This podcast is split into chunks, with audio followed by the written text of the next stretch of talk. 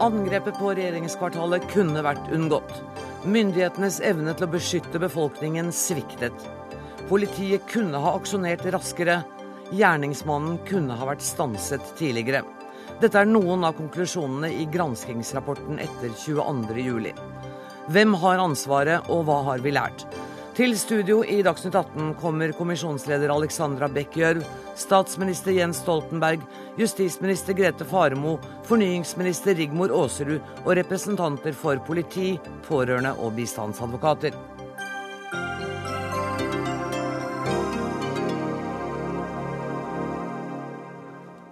Klokka tolv i formiddag fikk statsminister Jens Stoltenberg overlevert granskingskommisjonens rapport.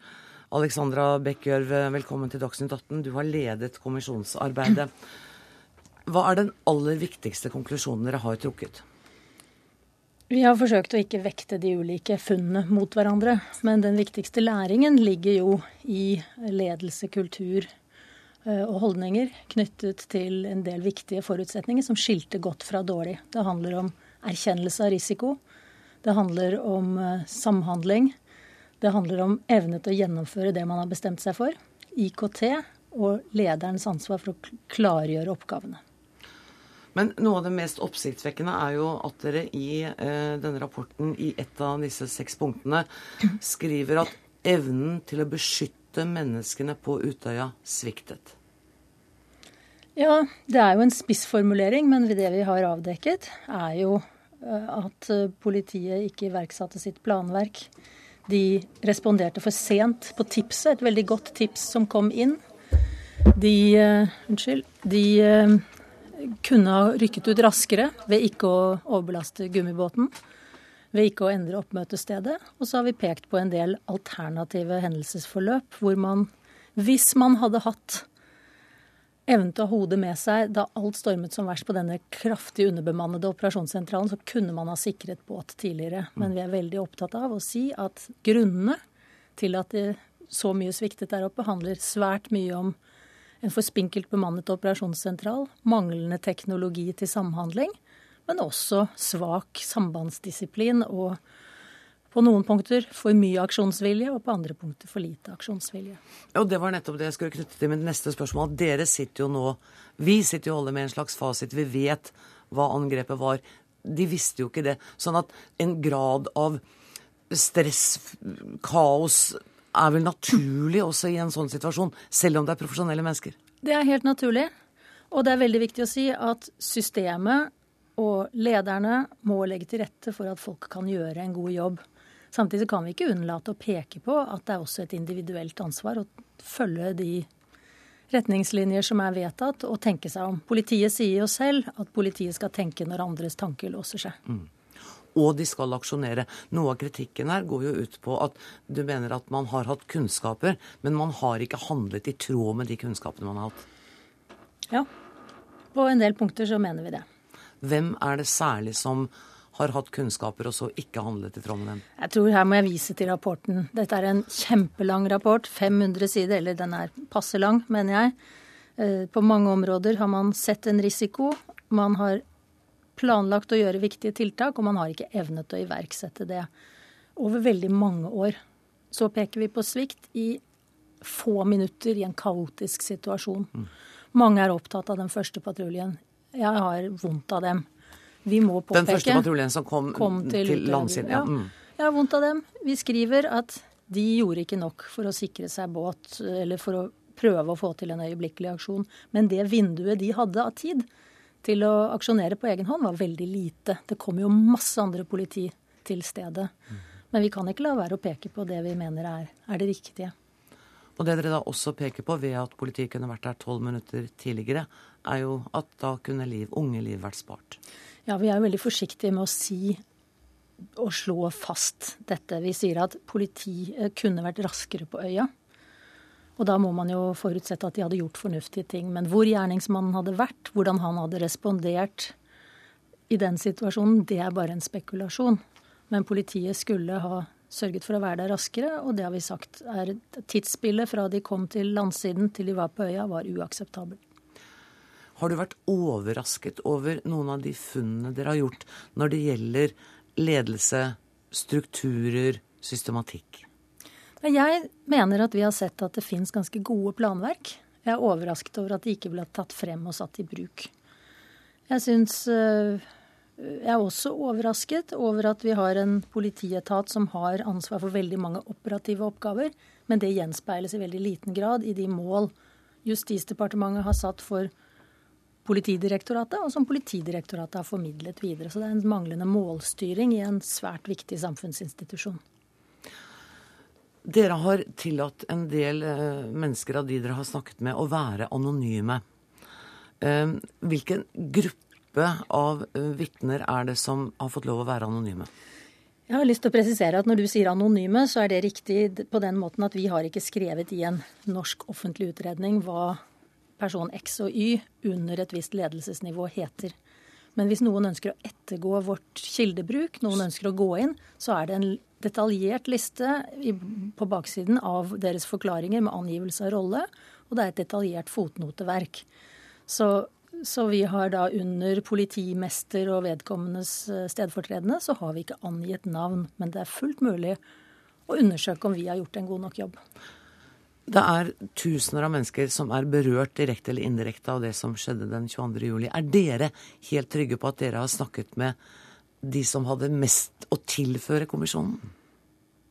Altså, det vet vi jo. Altså, vi mener at vi har fått et godt og dekkende bilde. Om noen varslere hadde kommet frem på et tidspunkt dersom vi f.eks. hadde fått vår særlov for et år siden, mm. det vet vi ikke. Vi mener at dette gir et godt og dekkende bilde. Det har allerede vært kommentert at språkbruken i rapporten er Altså det, er sagt at det er en god rapport, men at dere er veldig konkrete og tydelige i hvordan dere beskriver de manglene som dere eh, har funnet. Mm. Har dere diskutert nettopp det? I hvor langt dere skal gå i tydelighet av kritikk?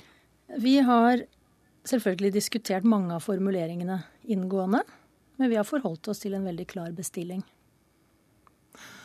Du har sagt i dag at uh, du syns ikke at dette er tiden for å jakte på enkeltmennesker og syndebukker og få folk til å gå fra jobbene sine. Samtidig så er det en skarp kritikk både av embetsverkets ledelse og den politiske ledelse. Tror du at de menneskene som i dag sitter i ledende posisjoner i Norge, er egnet til å fortsette det arbeidet som dere nå mener at de skal gjøre? Det jeg har sagt, er at jeg er mest opptatt av at det gjøres tiltak.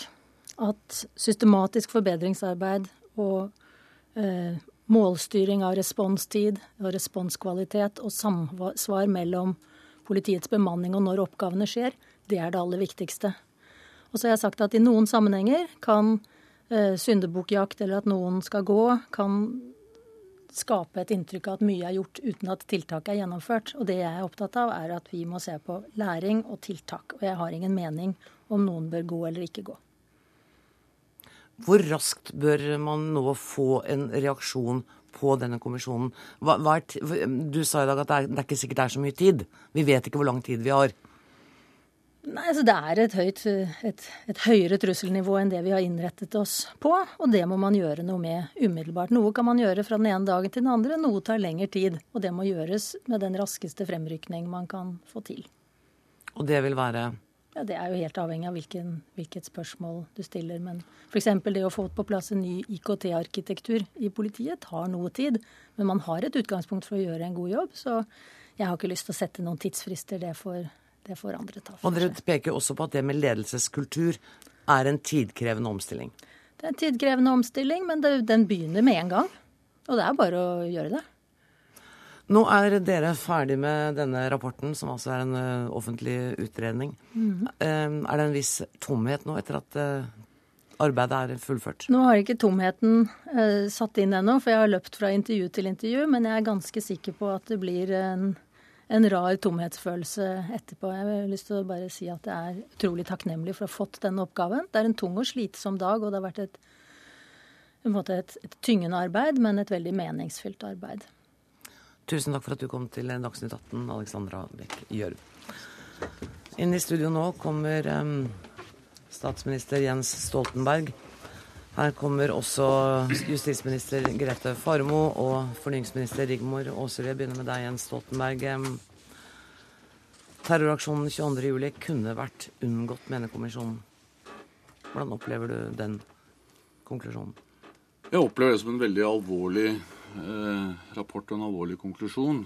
Det de sier, er at angrepet på Høyblokka kunne vært eh, unngått. og eh, Det følger jo av at hadde man eh, lykkes i å stenge Gruvegata tidligere, så hadde det vært mulig å eh, unngå det eh, angrepet. Det er en vanskelig konklusjon for mange, men først og fremst er det vanskelig for alle de som mistet sine kjære, sine nærmeste, som nå får bekreftet at liv kunne vært reddet ved både tiltak rundt regjeringskvartalet og ved at politiet hadde kommet raskere til Utøya. Eh, og det er smertefullt, spesielt for de som mistet sine. Det har vært sagt i dag at dette er den skarpeste kritikken som er kommet av noen regjering noen gang. Det er i hvert fall en veldig alvorlig rapport med veldig alvorlige konklusjoner. Og da har jeg vært opptatt av at jeg har det øverste ansvaret for beredskapen her i landet. Eh, jeg tar det ansvaret veldig alvorlig, og jeg mener at det viktigste jeg gjør for det, er bl.a. det vi har gjort i dag, å få fram det vi har kalt en usminket og ærlig rapport om hva som faktisk skjedde. Det har en verdi i seg selv at vi får alle fakta på bordet, at vi får en felles virkelighetsforståelse. Men i tillegg så gir de faktaene, den kunnskapen, oss eh, grunnlag for å lære, eh, og også da for å gjøre det aller viktigste, nemlig handle styrkeberedskapen. Og det tar jeg ansvaret for at vi skal gjøre. Og det er jo interessant at du sier, for i rapporten er det jo nettopp det kritikken går på. At man har hatt kunnskapen, men har unnlatt å handle. Hvorfor skal jeg nå stole på at dere også har evnen til å handle når dere ikke har hatt det før? For det første så er det jo heldigvis slik at en del av de tingene eh, som blir tatt opp i rapporten, eh, har vi nå eh, begynt å iverksette tiltak i forhold til. Det store sikkerhetsprosjektet var det meste gjennomført før 22.07. Og så var det ett stort, avgjørende, viktig tiltak som ikke var gjennomført, nemlig stengning av Grubbegata. Og det jeg tror vi alle har lært der, eh, det er at eh, vi er nødt til å finne raskere måter å få tatt den type beslutninger på enn den framgangsmåten vi har valgt fram til i dag, med altså eh, reguleringsplaner og en ganske møysommelig prosess. Og så tror jeg vi eh, også har lært noe om viktigheten av at vi har en ledelse eh, helt opp i toppen av regjeringsapparatet, Justisdepartementet, som har mer pådriveransvar, mer samordningsansvar i forhold til beredskap. Og det er også grunnen til at da Grete Farmo ble statsråd, så var det det oppdraget hun fikk. Vi styrket Justisdepartementet som beredskapsdepartement. Og vi, eh, som et uttrykk for det, endret også navnet. Eh, ikke at det i seg selv er viktig, men det er et uttrykk for en økt bevissthet, skjerpethet på store og små tiltak som er gjennomført for å øke beredskapen. Du har eh, flere ganger i dag fått spørsmål om du kommer til å gå, og det har du avkreftet. det at du sier at du tar ansvaret, det betyr at du velger å bli sittende i denne stormen? Min vurdering er at den beste måten jeg tar ansvaret på, det er å gjøre det vi nå gjør. Det som har skjedd i dag, at vi har fått denne rapporten på bordet som vi har bedt om. Vi har fått den rapporten vi ba om. At vi lærer av den. Det er mange eh, forslag. Eh, vi skal gå gjennom alle. Jeg tør ikke å si at vi kommer til å anbefale alle, men vi skal i hvert fall forholde oss til alle og gå for det vi tror på, og justere endre det vi mener trenger justeringer. Og så skal vi iverksette tiltak, og vi skal ikke vente med det. Vi skal gjøre også ting Eh, før vi oppsummerer hele rapporten i en stortingsmelding til Stortinget. Og vi samarbeider gjerne med Stortinget om disse tiltakene. Justisminister Grete Farmo, hvordan var din reaksjon på den massive kritikken av politiet som eh, rapporten representerer? Det er jo en tung dag. Eh, men det er også en viktig dag. For nå har vi fått større klarhet. Jeg tror den klarheten er veldig viktig for de pårørende. Den er også viktig for oss for nå får vi også et grunnlag eh, å agere på. Vi skal forbedre beredskapen, og det ligger det en god veiledning i rapporten på. Men dere har jo hatt plan, planer og planløsninger. Eh, Alexandra Bekkjøv satt nettopp her og sa at hun var imponert over hvilke planer som fantes. Men det var den manglende evnen til å iverksette dem når det skjedde noe. Ja, Hvis jeg skal uh, gå inn på det som er gjort siden uh, i fjor, så kan jeg nevne opp flere tiltak knytta til at vi har på plass en sterkere sentral kriseledelse. Vi har et situasjonssenter som gir oss grunnlag for bedre situasjonsvurdering og analyse. Vi har bedring av redning, eller helikopterberedskapen. Alle disse tingene er viktige. Men den lederutfordringen det er til å stille tydelige mål, til å skape resultater, det er den som gjør at jeg ønsker å gjøre sammen med både politiets ledelse og andre en grundig analyse rundt hva er det nødvendig å gjøre av mer grunnleggende grep for å sikre at vi har et velfungerende politi i krise. Betyr det at du kommer til å gå, være tydeligere i å instruere direktoratet, f.eks. Direktoratet har jo fått kritikk også i rapporten for å ikke ha fulgt opp alle de planene og, som, som, lå der. For å agere kontant i krise og i det hele tatt i kriminalitetsbekjempelsen, så er det viktig å kjenne sin rolle. Jeg mener en god instruks for Politidirektoratet er sentral, og det jobber vi derfor med. Og så er det en ledelses- og kulturutfordring som jeg ønsker å ta tak i. Det er en jobb å gjøre, sier kommisjonen, og den eh, tar jeg med stor ydmykhet. Sommeren 2010 så ble Justisdepartementet orientert om at Politidirektoratet var bekymret over at Fornyingsdepartementets arbeid med å sikre regjeringskvartalet gikk altfor langsomt. Denne informasjonen til Justisdepartementet Jeg vet at du da ikke satt som justisminister, men denne informasjonen gikk altså aldri videre til det departementet det gjaldt. Er det et problem hos dere at dere er for dårlig på informasjonsflyt også? Det er klart det er svært alvorlig at en så viktig informasjon eh, bokstavelig talt havna i et arkiv. Derfor så er både håndtering av sensitiv informasjon, gode kommunikasjons- og ledelsessystemer helt sentralt. Og det er dette som bl.a. jeg og departementets ledelse nå har jobba med den senere tida. Vi kan ikke akseptere at den type systemer ikke fungerer. Og sier vi at vi har gode varslingssystemer, og som vi så da 22.07 ikke virket, så er det viktig å ta tak i og få opp varslingssystemet som virker. Men, plutselig så kjenner jeg at det blir litt abstrakt. For, og jeg må spørre deg det samme som jeg har spurt statsministeren. For du har sittet i politisk ledelse og i statsrådsstoler tidligere. Kan vi stole på at dere er de menneskene som er i stand til å handle, når dere i alle disse årene har hatt kunnskapen og ikke har klart å gjøre det?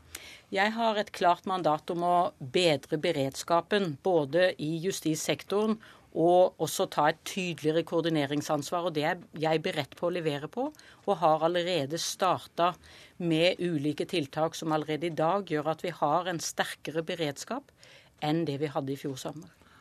Fornyingsminister Rigmor Aasrud, opplysningen om at uh, terrorangrepet mot regjeringskvartalet kunne vært hindret. Hvordan opplever du å lese den kritikken? Ja, Det er klart det er både alvorlig og tungt å, å lese en sånn kritikk. Og det er en veldig grundig gjennomgang i rapporten av, av, hele årsaksforholdet rundt det. Og det er en kritikk som vi må ta til etterretning, og som vi må lære av. Ja, som du må gjøre mer enn å ta til etterretning. Altså, jo, det er jo ditt ansvar. Ja, det er mitt ansvar, det som vi har ansvar for i FAD. Og det er et ansvar som er viktig at vi videreutvikler enda mer nå. Eh, jeg er glad for det som står i rapporten, at man ser at vi har tatt tak i noen av de sikkerhetsutfordringene som lå i departementet. Og det er viktig at vi jobber enda mer med det for å ha et høyere fokus på sikkerhet eh, knytta til regjeringsbygget og de andre bygga vi har ansvar for. Men du må jo, selv om dere ikke fikk beskjed fra Justisdepartementet om at Politidirektoratet var bekymret over manglende aktivitet fra ditt departements side, så må jo dere ha vært kjent med at det har vært frustrasjoner hos sikkerhetsfaglig personell på dette? Ja, det har nok vært det. Det har ikke kommet opp til mitt bord, men allikevel er jo det mitt ansvar. Eh, så det er jo, er jo en, viktig at vi får gjennomført de tiltakene som ble satt i verk. Det var for lang tid, tok for lang tid å få stengt Grubbegata, det er ingen tvil om det. Sjøl om vi var i ferd med å gjennomføre de siste tiltakene av den omfattende planen som ble lagt i 2005, så er det ikke noe tvil om at vi brukte for lang tid på å få stengt Grubbegata.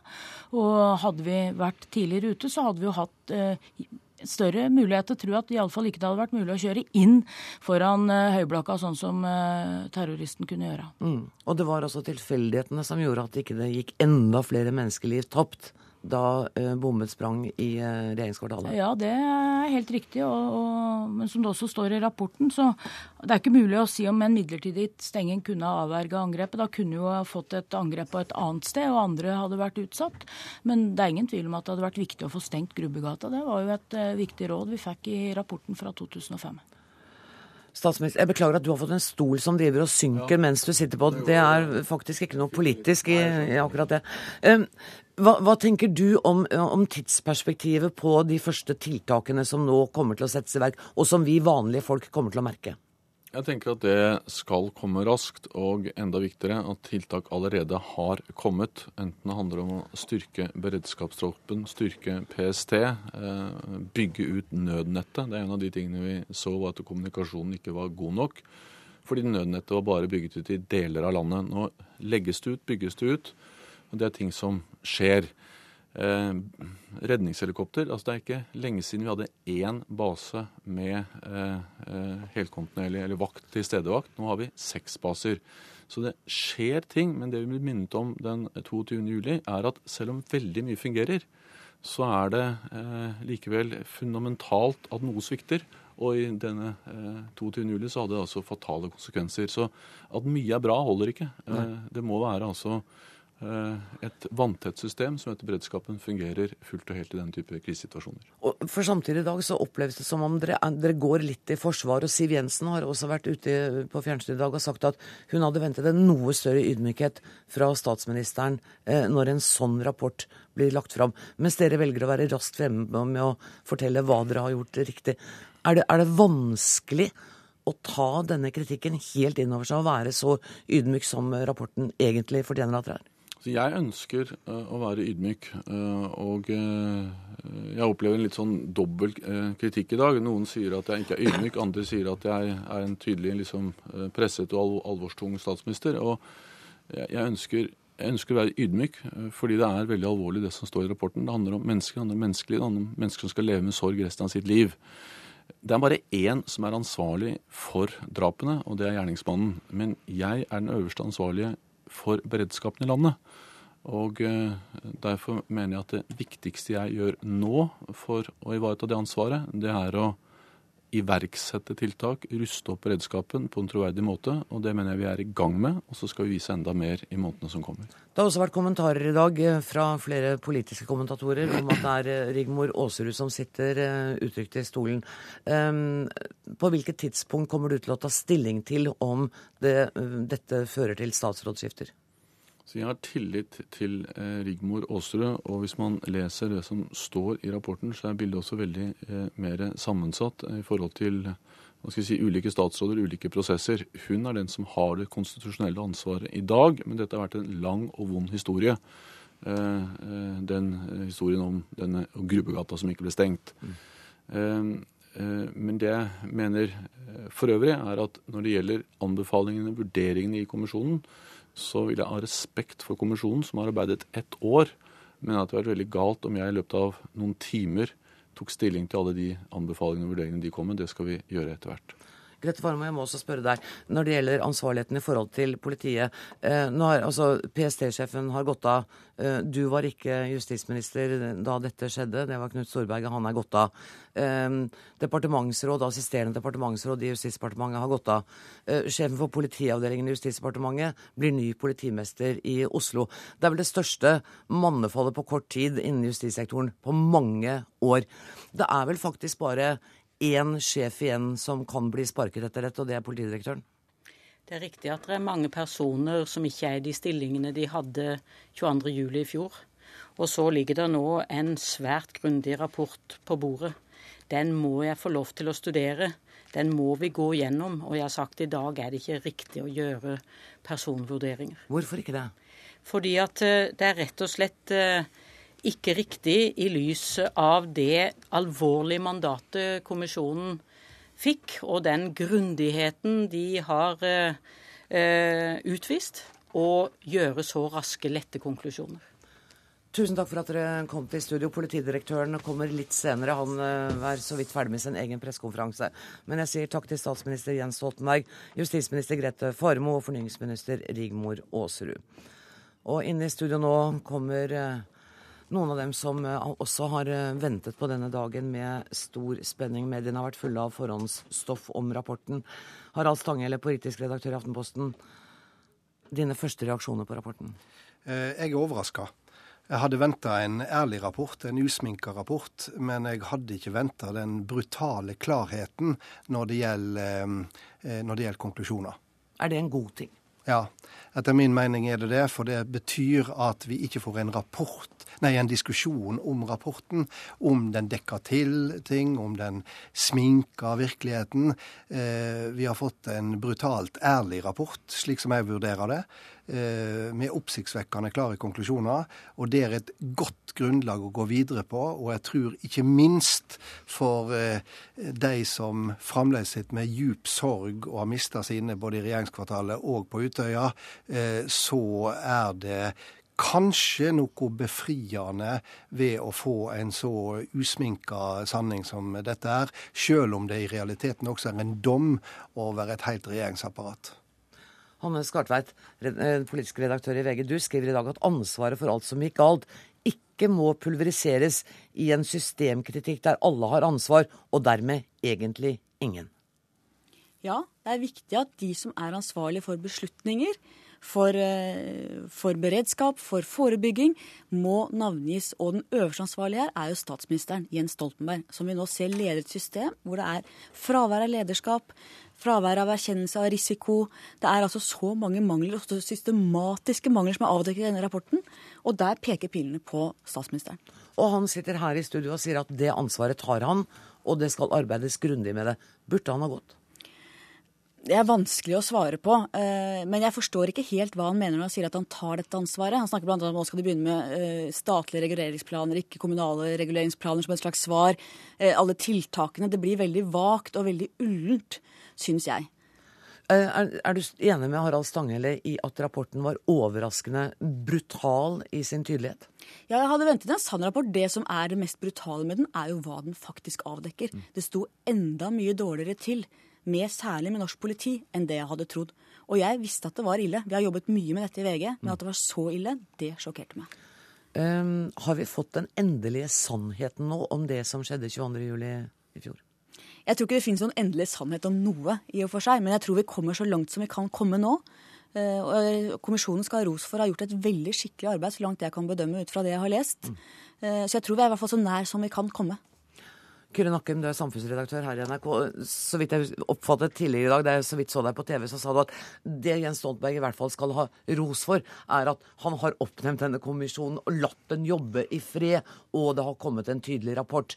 Eh, og det var vel så langt som rosen din gikk når det gjaldt eh, regjeringen? Ja, det er det. Og det er riktig at eh, rapporten er så grundig at jeg ikke tror vi kommer til å få noe debatt. Det, snakk om endelig sannhet, det vet jeg ikke, men den er veldig detaljert. Den går ned helt til minste detalj. Du kan lese hva som har skjedd. Og dette har vi etterlyst så lenge. Og særlig fordi politiet ikke har vist noe interesse for å vise oss hva som faktisk har skjedd, så var det veldig viktig at vi fikk gjort dette. Og så er den brutal. Og det, og det som slår meg, er at det, eh, det, det, veldig mange her nå sier at de har ansvar, men det er veldig få som tar ansvar. Uh, og Det tror jeg kan bli litt debatten framover. Vi ser at det, det var handlingslammelse i, i Fornyingsdepartementet i samarbeid med Justisdepartementet og Statsministerens kontor. Det, Hvem har ansvaret der? Det prøver man å bare sende videre. Og Jeg hørte Øystein Mæland i dag også prøvde å si at politiet på mange måter har vi pekt på noe av det samme, og var heller ikke villig til å ta ansvaret skikkelig. Og det syns jeg heller ikke politimester Hammer var. Så jeg jeg syns denne ydmykheten eh, burde kommet flere steder. Jeg er ikke sikker på at alle skal gå, det er en egen diskusjon. Men det er noe virkelig å føle på smerten og erkjenne smerten ved det vi fikk i dag. Fordi jeg har aldri opplevd en så kraftfull rapport, og en så kraftfull rapport i forhold til hva den kritiserer, før som vi har fått i dag. Og så har vi også hørt, Du har bl.a. sagt tidligere at eh, opposisjonen, den politiske opposisjonen har vært tilbakeholdne. Tror dere nå at nå Kommer den med fullt trøkk etter at denne rapporten har kommet? først. Jeg er skeptisk. Jeg, jeg, jeg, jeg, tror den vil splitte seg. Jeg tror Høyre fortsatt ikke ser seg tjent med å komme med en veldig kraftig kritikk, mens det er andre partier som nok vil, gjøre det. Og, og, og, jeg mener det er viktig at opposisjonen nå følger opp. fordi den viser jo en systemsvakhet eh, i hele det norske systemet. Eh, når det gjelder politi, men også i beslutningssystemer når det gjelder sikkerhet. Så det er veldig viktig at opposisjonen nå kjenner sin besøkelsestid. Og skal jeg bare legge til en ting til når det gjaldt, eh, når det gjaldt dette med, med, å ta ansvar. Mm. Jeg er ganske overbevist om at eh, justisministeren ikke hadde overlevd i dag. Så på en måte, vi får hans avgang i et nytt lys etter denne rapporten. Ja, Hans avgang og PST-sjefens kanskje, og, ja, PSF, og ikke minst andre. det øverste embetsverket i Justisdepartementet. Ikke sant. Um, Stanghelle, ville det, ville det hjulpet på saken om det gikk en statsråd eller to eller en statsminister nå?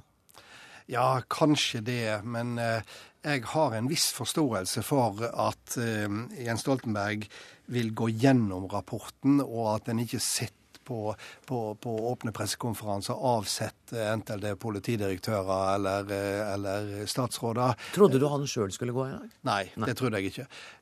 Men jeg syns nok at Jens Stoltenberg gjør det noe problematisk når han sier at å ta ansvar er å sørge for forbedringer, mens en da snakker seg vekk ifra det ansvaret han har. Men hvordan skal han ta det når skaden Altså, hva annet kan man gjøre enn å gå av?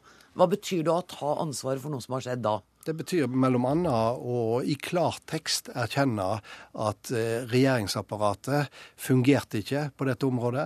Det betyr i klartekst å slutte seg til kommisjonen når kommisjonen sier at de skjønte risikoen intellektuelt sett, som Alexandra Beck Gjørv sa på pressekonferansen, men de gjorde absolutt ingenting med det.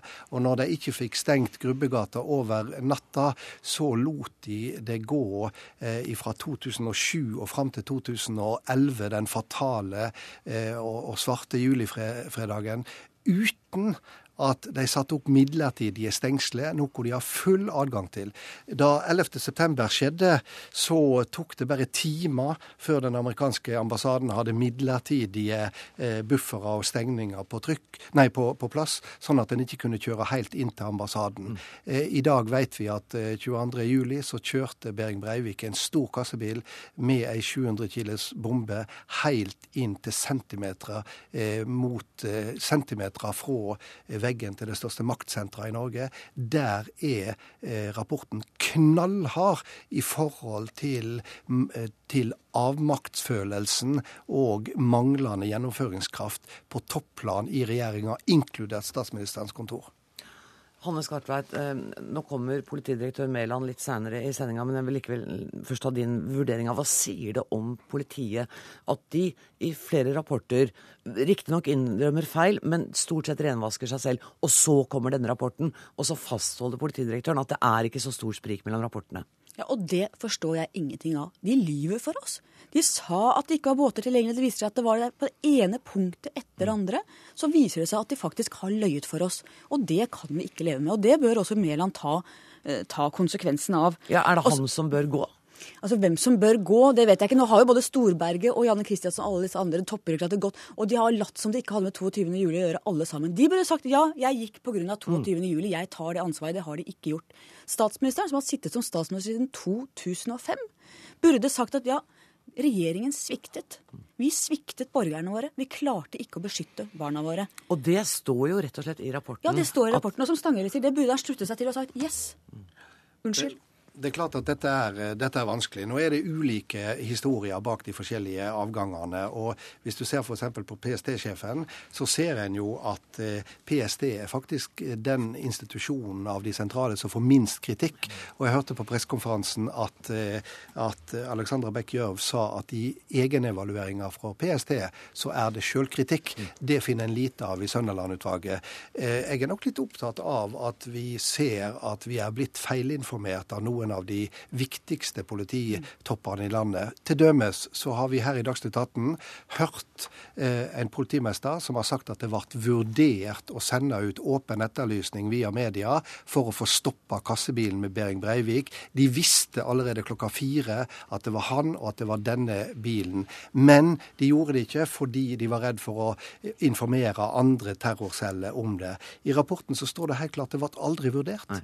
Og det er sånne ting som jeg må si si jeg blir djupt mistenksomme av når vi ser at vi er blitt feilinformert mm. av de som skulle ha sanninga så sitt fremste eh, ideal, eh, og så ser vi at eh, dette ikke blir sagt i klartekst og erkjent i klartekst av den sittende politidirektør. Og, og den, eh, de politimesterne det gjelder både fra Nordre Buskerud og fra Oslo, er blitt invitert til Dagsnytt 18, men de har ikke anledning til å komme. Eh, Kyrre Nakke? Ja, nei, Politiet får jo gjennomgå så det holder i denne rapporten. Altså, Én ting er at de var dårlig organisert. De klarte ikke å, å håndtere situasjonen da den oppsto. Um, og eh, man gjorde uh, si, uh, feil beslutninger. Det er forståelig at man innimellom kan gjøre feil beslutninger, men noen av de var fatale. Også, og Dessuten så har man altså ikke klart å fornye seg for takt med tiden gjelder infrastruktur osv. Og så kommer da denne biten på, på hvordan politiet har håndtert alt etter 22.07, hvor de på en måte har prøvd å, å, fordekke sannheten. Og Det betyr at vi sitter igjen med politi nesten uten tillit og troverdighet. Og det er veldig alvorlig for regjeringen. Og det første regjeringen er nødt til å gjøre, det er rett og slett å starte en ny omorganisering av politiet. De er nødt til å sørge for at vi får tillit til de som vi skal ha tillit til.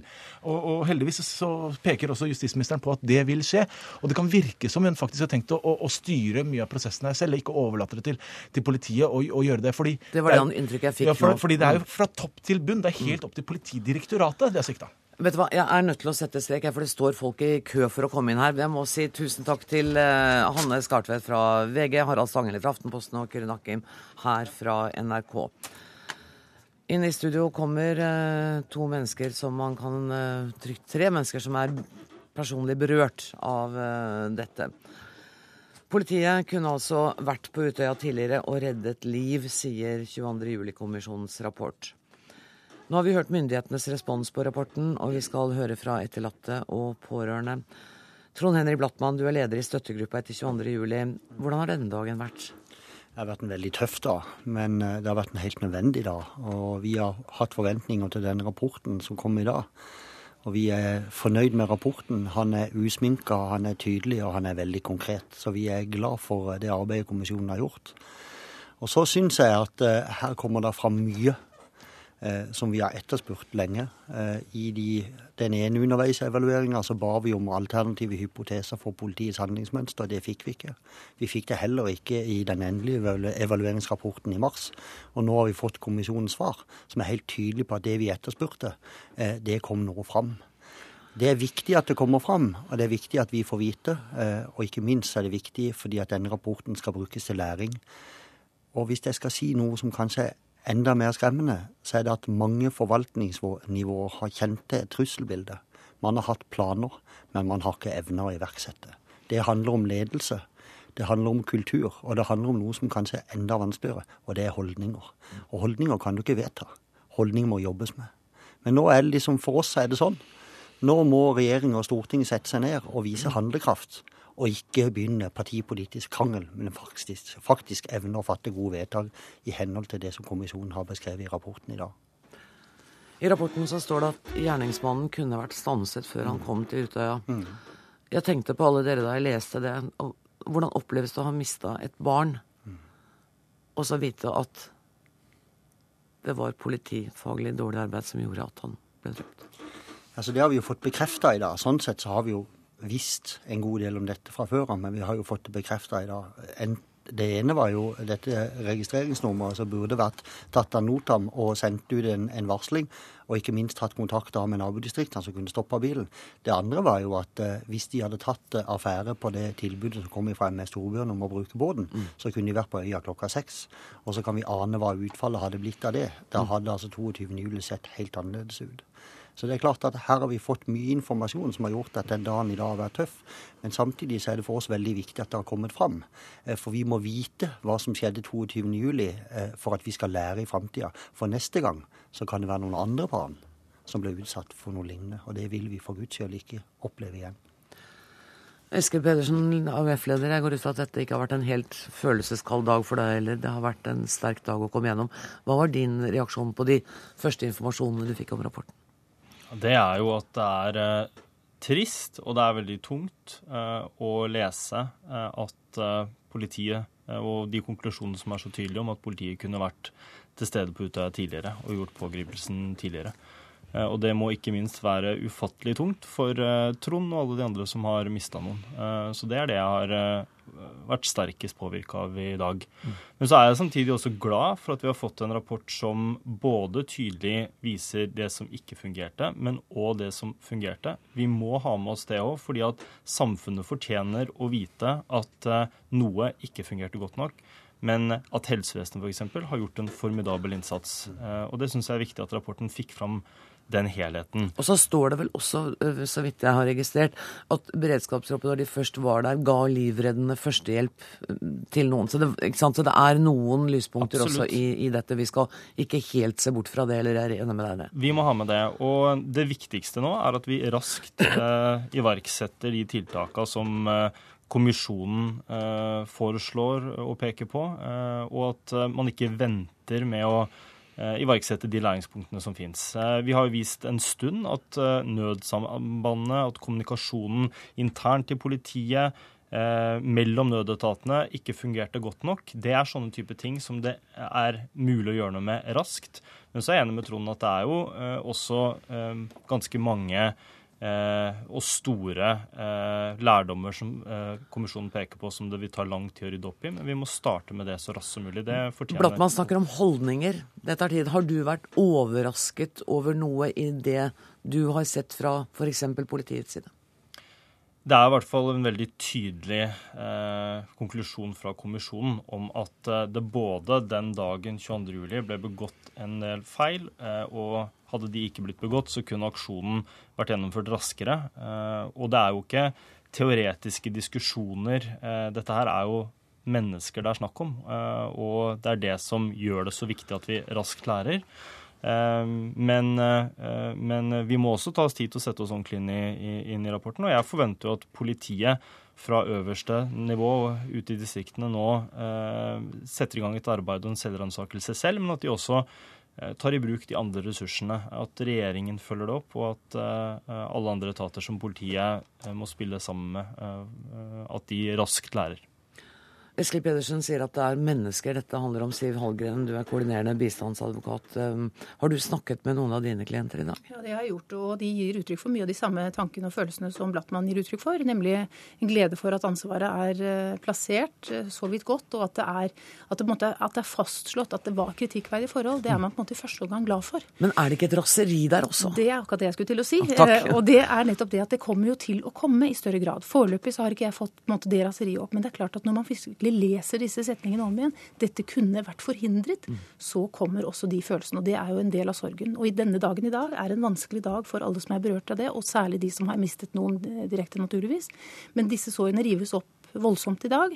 Samtidig som dette er en milepæl som eh, jeg tror veldig mange er glad for at nå kom den, og så må dette arbeidet begynne. Ja, Om det ikke er et punktum, så er det i hvert fall en, en slags, et, et, komma i en utvikling. Man har kommet et skritt videre. Men eh, jeg vet ikke hvor mye du har rukket å se i rapporten? Veldig lite, for jeg ja. har også andre oppgaver. Så jeg ja. har ikke rukket mye å se. Nei, Men du har, du har sett sikkert de seks punktene. Så, Hva tenker du om det? Om, om språkbruken og om den, det blir kalt brutaliteten i ærligheten i den rapporten? Ja, altså Min første tanke da dette kom, ble lagt frem på pressekonferansen i dag, det var jo nettopp at det var en usminket og ærlig eh, fremstilling, slik det er oppsummeringen i de seks punktene. Og det er, eh, det er, brutalt, det kanskje, men det er jo helt nødvendig. Altså, denne saken har langt mer brutale sider enn det som kommer frem i denne rapporten. Enhver kritikk her er eh, mye mindre brutal enn det man har opplevd her. Hva forventer du av eh, tiltak nå? Jeg forventer både at dette følges opp slik det, skal, slik det er lagt opp til i denne rapporten, men jeg regner også med at det er tatt tak også ute i politidistriktene. For det er en del av disse tingene som ikke man trengte en rapport for å vente på, nemlig kommunikasjon mellom de distriktene. Eh, mangelen på stab, mangelen på tenkning, mangelen på ikke sant, og, og, og det å sette opp eh, å ha, vakt, altså ha, ha, så liten vakt f.eks. Ja. på operasjonssentralen, som er kanskje det mest tragiske. Ja, der var det ett menneske. Ett menneske som sitter med dette her, og som eh, ikke kan forstå annet enn å ha, føle en eh, forferdelig vanskelig situasjon også denne dagen, men hvor det er eh, systemet som svikter, syns jeg. Eh, kommisjonslederen satt der og sa tidligere at eh, For det er jo beskrevet eh, hvordan den første patruljen kanskje ikke gjorde det de skulle. Og hun sa at de har min medlidenhet i dag. Kan du forstå det, Blattmann? Ja, Det er et vanskelig spørsmål, fordi det er klart at hun har en annen tilnærming enn det vi har. Mm. Eh, og Vi leser jo i rapporten en klar og tydelig kritikk av de to første tjenestemennene. Altså, Jeg har sagt hele tida at jeg er ikke ute etter å henge noen, men ansvar må plasseres der det hører hjemme. Og et system svikter fordi at det tas noen gale avgjørelser. I så måte så har vi fått en tydelig rapport som beskriver det. Det, det andre som jeg har lyst til å si, det er at vi var på disse eh, underveisevalueringene. Og vi opplever at bildet ser helt annerledes ut. Politiet har et troverdighetsproblem her. Og det er klart at Befolkninga i Norge er nødt til å ha tillit til ordensmakten. Mener du at den er svekket nå? Ja, I hvert fall ut ifra de etterlattes synspunkt, så er den definitivt svekka. Og for de som har vært interessert i å følge med i denne saken og sett på de tidligere evalueringene, og ser nå rapporten i dag, så er det stor forskjell. Hvorvidt den er vanvittig stor, som noen har brukt tidligere i dag, men han er i hvert fall stor. Og virkelighetsbildet er helt forskjellig. Og det er klart at politiet må nå jobbe maksimalt i forhold til å rette opp eh, de utfordringene som ligger i, i, politietaten. Få på plass gode øvelsesprogrammer, få på plass kommunikasjonssystemer, få på plass en beredskap som er styrka og i henhold til de beskrivelser som ligger her. Men det er klart at, som jeg sa i stad, holdningsskapende arbeid, ikke bare politiet men også eh, i myndighetene, i, i regjeringsapparatet, over hele linja, om at bildet har forandra seg i Norge. Det er det ingen som helst tvil om, og det må komme opp og stå. Og det må vi være tydelige og jobbe på. Og igjen, bare si det. Eh, støttegruppa vil ikke ha noe politisk skittkasting nå. Nå vil vi ha handlekraft. Nå vil vi se at det blir fatta gode politiske vedtak, sånn at vi kommer videre. Sånn at det norske samfunn kan vise at vi har lært noe av dette. Hallgren, kort til slutt. Bare helt kort, jeg tenker også Det er jo mye positivt også i denne rapporten. og Det tror jeg også er viktig for, for mm. de som opplevde det der ute. All den hjelpen de fikk, både på Utøya og på Sundvolden og i systemene etterpå.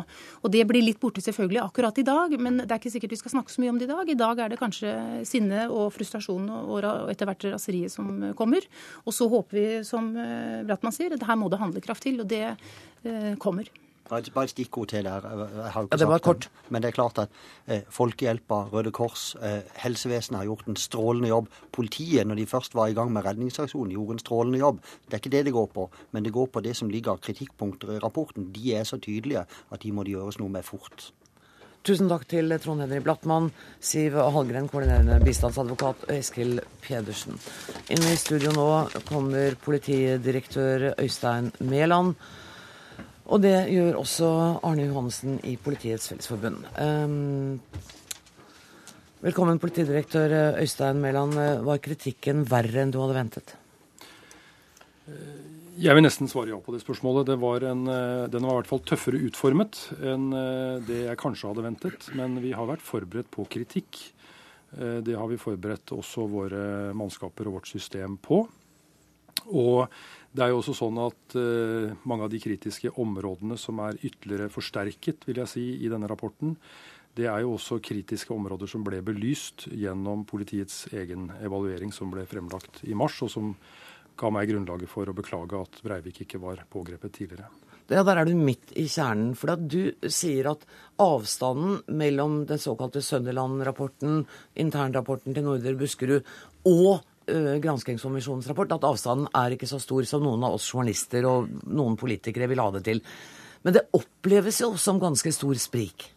Jeg er i hvert fall forsiktig med å eh, kvantifisere hvor stor det, stort det spriket er. fordi at vi må huske på at dette er ikke to rapporter som kan legges ved siden av hverandre. Sønderland-rapporten var en intern evaluering Eh, basert på et eh, mandat som man bruker når man har vært igjennom eh, større og kritiske hendelser. Og hele formålet er å finne læringspunkter. Gjørv-kommisjonen er en nasjonal spesialkommisjon som har et bredt mandat, og som skal altså ha et helt annet formål. Men som jeg også sa da politiets egenevaluering ble fremlagt 15.3, at jeg tok et klart forbehold om at 22. juli-kommisjonen eh, ville kunne komme med eh, andre fakta og en annen vurdering. Også fordi at jeg visste at faktagrunnlaget deres eh, ville være betydelig bedre. De har hatt tilgang på faktaopplysninger som vi ikke hadde. Det har jeg full forståelse for. Men la oss ta et par detaljer da, som er faktabeskrivelser som du må ha kjent til. F.eks. så kom det fram at det hadde vært vurdert om man skulle gå ut med etterlysning av denne grå kassebilen. Eh, så hadde man da, fordi man ikke var sikker på om det var andre terrorceller, så gjorde man ikke det. Så slår granskingskommisjonen fast det har aldri vært vurdert. Så det, gjelder det uh, oppmøtestedet på uh, Utvika. Hvor det da påstås at det ligger politifaglige grunner til at man valgte et sted som lå noe lenger unna, altså ikke tok Utvika brygge. Så slår kommisjonen fast det lå ingen politifaglige grunner til grunn for den avgjørelsen. Det var rett og slett en misforståelse på, på telefon. Har dere forsøkt å tilsløre virkeligheten for oss? Nei, det har vi absolutt ikke. Og jeg vil, eh, jeg vil, ta noen forbehold om å gå inn i sånne detaljvurderinger i dag. Eh, jeg har ikke lest rapporten. Eh, jeg har sittet og bladd i den parallelt med at jeg har fulgt pressekonferanser og forberedt meg til min egen. Eh, ikke hatt noen tilgang til den før den ble offentlig kjent, eh, og må derfor ta forbehold om å gå inn i den type eh, detaljvurderinger på enkeltområder. Hvor lang tid vil det ta før du kan komme hit og gå inn i de detaljene, som altså pressefolkene nå har full tilgang til? Ja, og vi jobber på spreng med å lese eh, rapporten. Det har vi gjort fra den ble fremlagt, og vi gjør det utover kvelden og natten. Og vet jo at vi i løpet av kort tid eh, vil måtte gi mer inngående kommentarer eh, på disse tingene. Det er blitt sagt i dag at tilliten til politiet etter dette er sterkt svekket. Det er ikke jeg som kan vurdere hvordan tilliten til politiet står seg i forbindelse med noe sånt som dette, men vi vet at tilliten til politiet generelt er ikke svekket etter 22.07. Det har vi gode undersøkelser som viser. Jeg mener jo at Eh, det som eh, er sentralt i dag i forhold til, eh, til kommisjonsfremleggelsen, er at de dataene som kommisjonen har bygget sine detaljerte vurderinger på, bl.a. hvor de forskjellige politipatruljene har befunnet seg, er jo data som de har fått uh, fra politiet, men som vår egen evaluering ikke hadde tilgang til fordi det var en del av etterforskningsmaterialet. Slik at Faktagrunnlaget kom jo fra politiet og er stilt til kommisjonens rådighet. Vi har naturligvis levert alt kommisjonen har bedt om. Vi har hatt et ønske om at den skal gjøre sin jobb som forutsatt.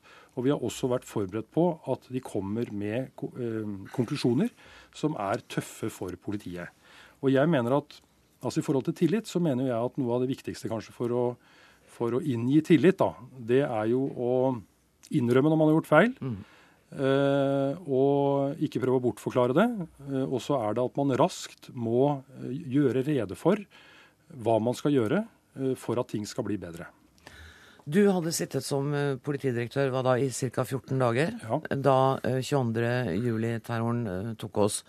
Jeg vil tro at de færreste vil kritisere deg for ting som har med organisasjon og struktur og ting som har skjedd tidligere. Men det er ditt ansvar det som skjedde fra klokka 15.30 den 22. juli, og hvilke politifaglige ting som da ble eh, foretatt. Er det noe i dine beslutninger i timene og dagene rett etter 22. juli som du nå vil si at du angrer på? Altså, vi understreker at uh, i min jobb så har jeg ikke det operative ansvaret uh, for selve politiaksjonene som ble gjennomført. Men uh, som leder for norsk politi så tar jeg ansvaret for, altså det øverste ansvaret for det som skjer i etaten. Jeg ser at det er også beslutninger i Politidirektoratet som blir gjenstand for kritikk i kommisjonen. Det mm. dreier seg bl.a. om aktivering av terrorplanverket. Det har jeg heller ikke rukket å gå inn i i full bredde. Eh, men er jo noe jeg har opplyst til kommisjonen i forbindelse med mitt intervju. Og Det er blant de ting som vi må gå kritisk igjennom og se på eh, hva som har sviktet i forbindelse med dette. Arne Johansen, du er leder i Politiets Fellesforbund. Tidligere politimester Rolf B. Wegner skriver i dag at politiets viktigste oppgave er å beskytte mennesker, selv om egen sikkerhet da kan, kan komme i fare. Vet ikke om du har lest den kronikken? Har jeg lest med stor interesse. Er du enig i den tidligere politimesterens vurderinger av dette? Ja, det er jeg helt enig i. Og det ligger i politioppdraget, politimandatet. Og dette er noe som eh, eh, våre medlemmer kjenner veldig godt til. og Det er noe av opplæringen på Politihøgskolen og senere spesialopplæring. Alle vet at å være politi i ytterste konsekvens, det kan medføre at du må faktisk ofre eget liv for å beskytte andre. Allikevel så, når du leser deler av eh, rapporten Ingen av oss har vel lest hele i dag. Dessverre. Så, så kommer det fram at eh, om det ikke er vegring, så er det i hvert fall noe nøling enkelte steder. Kan du se at noen av dine kolleger kan ha begått uh, kritikkverdige handlinger den dagen? Nei, jeg eh, har ikke lyst til å delta i en debatt og eh, gå og plassere ansvar på et individnivå, på det laveste nivå. Jeg har sagt hele tida, og jeg er glad for at det òg ledelsen har sagt, de gjorde maksimalt ut ifra sånn som de vurderte situasjonen der og da. Og så må alle ha respekt for at ett år etterpå så fasiten ligger på bordet, du har annen informasjon, og da kan de beslutningene som ble tatt den gang, komme i et helt annet lys. Men vi må ikke mistenkeliggjøre noen personer i forhold til at de gjorde sitt beste. Men så ser vi at ja vel, men det var ikke godt nok for å redde mange menneskeliv den dagen. Men jeg vet at de som sto der, de gjorde det de var i stand til der og da.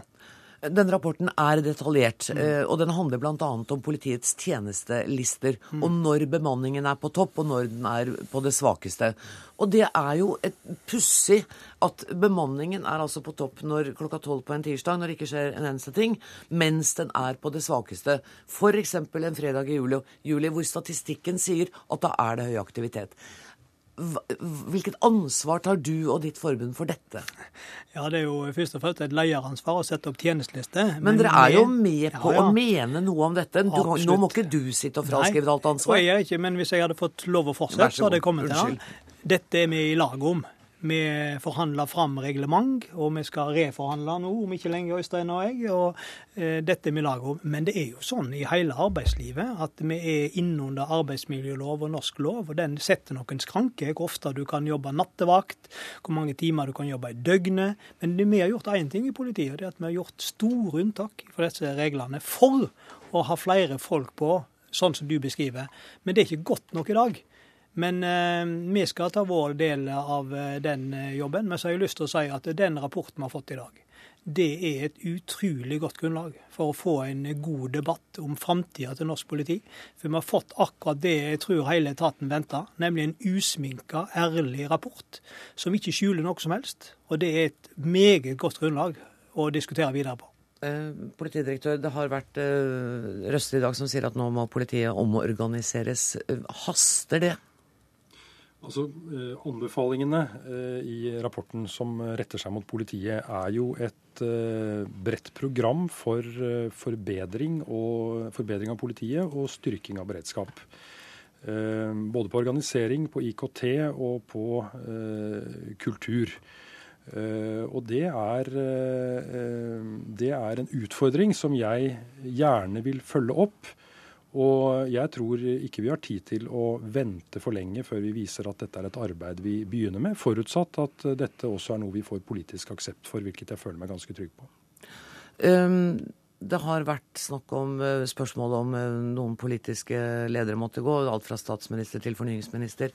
Er situasjonen slik at du som politidirektør har funnet grunn til å vurdere din stilling i dag?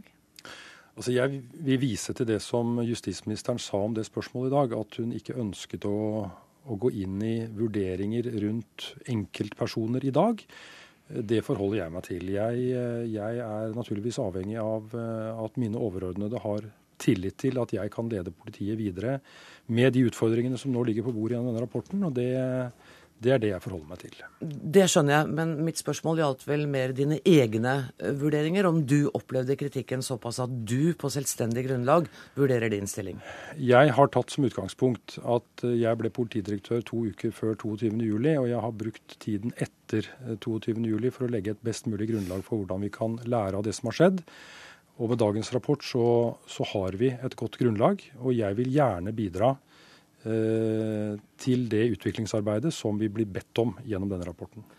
Da er det på tide å avrunde denne sendingen. Jeg håper å kunne invitere politidirektøren tilbake når eh, rapporten er gjennomlest og behandlet i Politidirektoratet. Tusen takk til Øystein Mæland og til Arne Johannessen. Ansvarlig for dagens utgave av Dagsnytt 18 har vært Dag Dørum. Det tekniske ansvaret har Karl Johan Rimstad. Jeg heter Anne Grosvold. Vi høres igjen i morgen klokka 18. Takk for nå.